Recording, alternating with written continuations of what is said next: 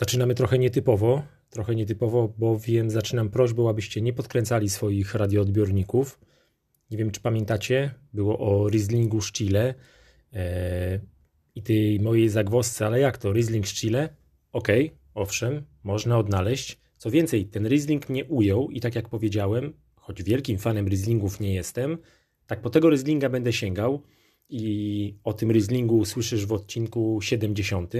A dlaczego o tym mówię? Ponieważ dzisiaj mamy wino, o którym pomyślelibyśmy raczej z perspektywy Burgundii, z perspektywy rozszerzając raczej Francji, ewentualnie e, Europy. E, z reszty świata pewnie powiedzielibyśmy Stany Zjednoczone, gdzieś może RPA, a tymczasem jesteśmy w Chile. Jesteśmy w Chile i szczepem, nad którym dzisiaj się pochylamy, winem, nad którym się dzisiaj pochylamy, jest yy, Pinot Noir. Zapraszam Was na, na dzisiejszy odcinek.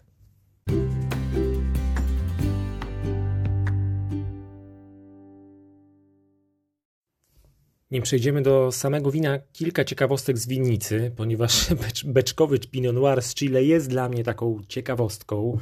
Natomiast na tyle ciekawostką atrakcyjną, że w tej chwili możecie słuchać o tej etykiecie. Wyobraźcie sobie, że 80 Konosur e, podaje, że 83% e, ich winnic zasila energia pozyskiwana z paneli słonecznych.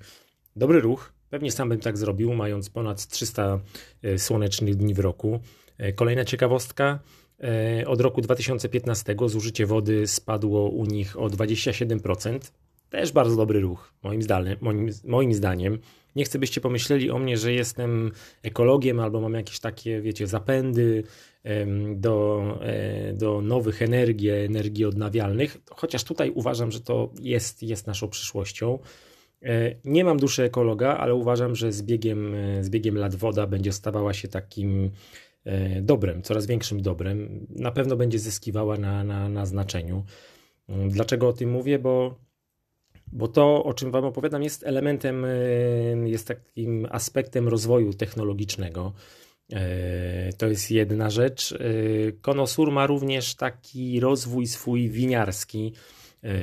Jak słyszeliście, poszli w stronę szczepów, o których raczej bym powiedział, raczej kojarzyć się powinny z innymi państwami, innymi regionami, niekoniecznie z Chile. Konosur inaczej tłumacząc, południowy stożek, to jest to geograficzne określenie regionu Ameryki Południowej, do, do, do którego przynależy Chile.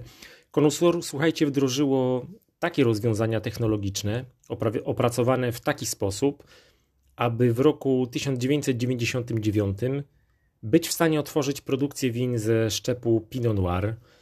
I ten szczep, te wina są dla nich czymś, czym e, bardzo, bardzo szczycą się w swojej, e, w swojej historii. Innowacja i tradycja, tak można powiedzieć o Konosur, to jest ich strategia działania. Zobaczcie, że oni bardzo e, odważnie wprowadzają szczepy, które zarezerwowane są raczej dla Europy, ewentualnie, tak jak wcześniej powiedziałem, na przykład dla, dla Stanów Zjednoczonych. Więc to jest to wyjście poza granice winiarstwa chilijskiego, ale jednocześnie bardzo mocne zakorzenienie w, w tradycji. Jak sami mówią, Pinot Noir był dla nich bardzo ekscytującym projektem. Co więcej, było to wyzwaniem, e, bo mamy w dłoni, ja miałem przed chwileczką w kieliszku wino, które powstaje w Chile, ale będąc bardzo mocno zakorzenionym w Burgundii, czyli we, we Francji. Jaki jest efekt? No, efekt jest taki, że słyszycie odcinek o tym winie. Co więcej, ta, ta innowacja, proszę bardzo, e, do Konosur należy pierwszy chilijski wionier, e, jeden z pierwszych e, krajowych Gewurztraminerów, Riesling, o nim już słyszeliście, to była ta prośba, aby nie podkręcać radioodbiorników, bo wspominałem wcześniejszy odcinek. To również jest unikat, jeśli chodzi o produkcję na, na całym kontynencie.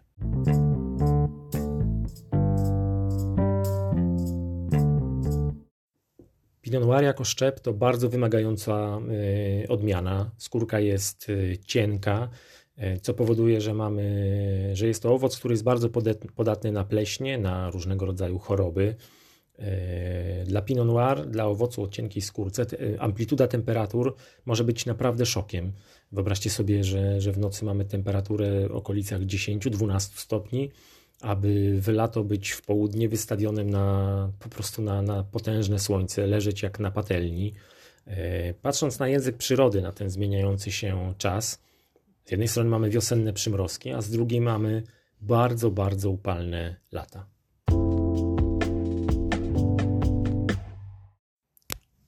Przechodzimy do wina.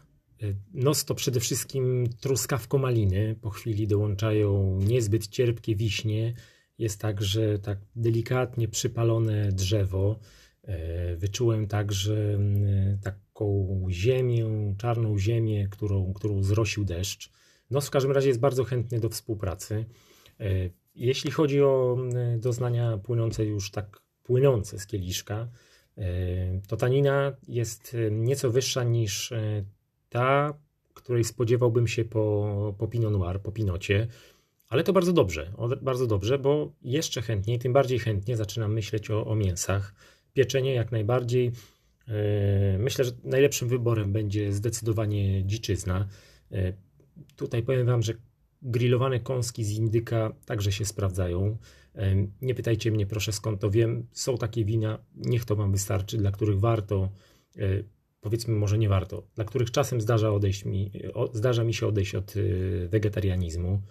Y, połączyłbym to wino jeszcze z niezbyt twardymi serami, takie jak na przykład y, brie czy, czy camembert. Co więcej, gdybym miał podać jedno wino, które pasuje do deski serów, mającej w sobie wiele różnego rodzaju serów, to zdecydowanie wybrałbym tego pinota.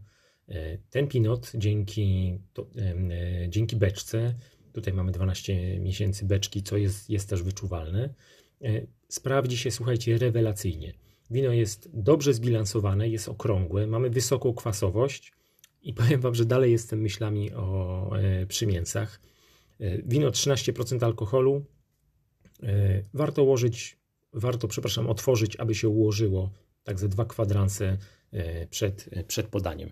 Tu, tu jeszcze trochę powiem o budowie tego wina, ponieważ w kieliszku raczej Powiedziałbym, że mamy wino medium e, to znaczy inaczej mówiąc, że jest takiej średniej budowy, średniej, e, mam na myśli gęstość, czyli nie jest cienkuszem, ale też nie jest, e, nie jest gęste.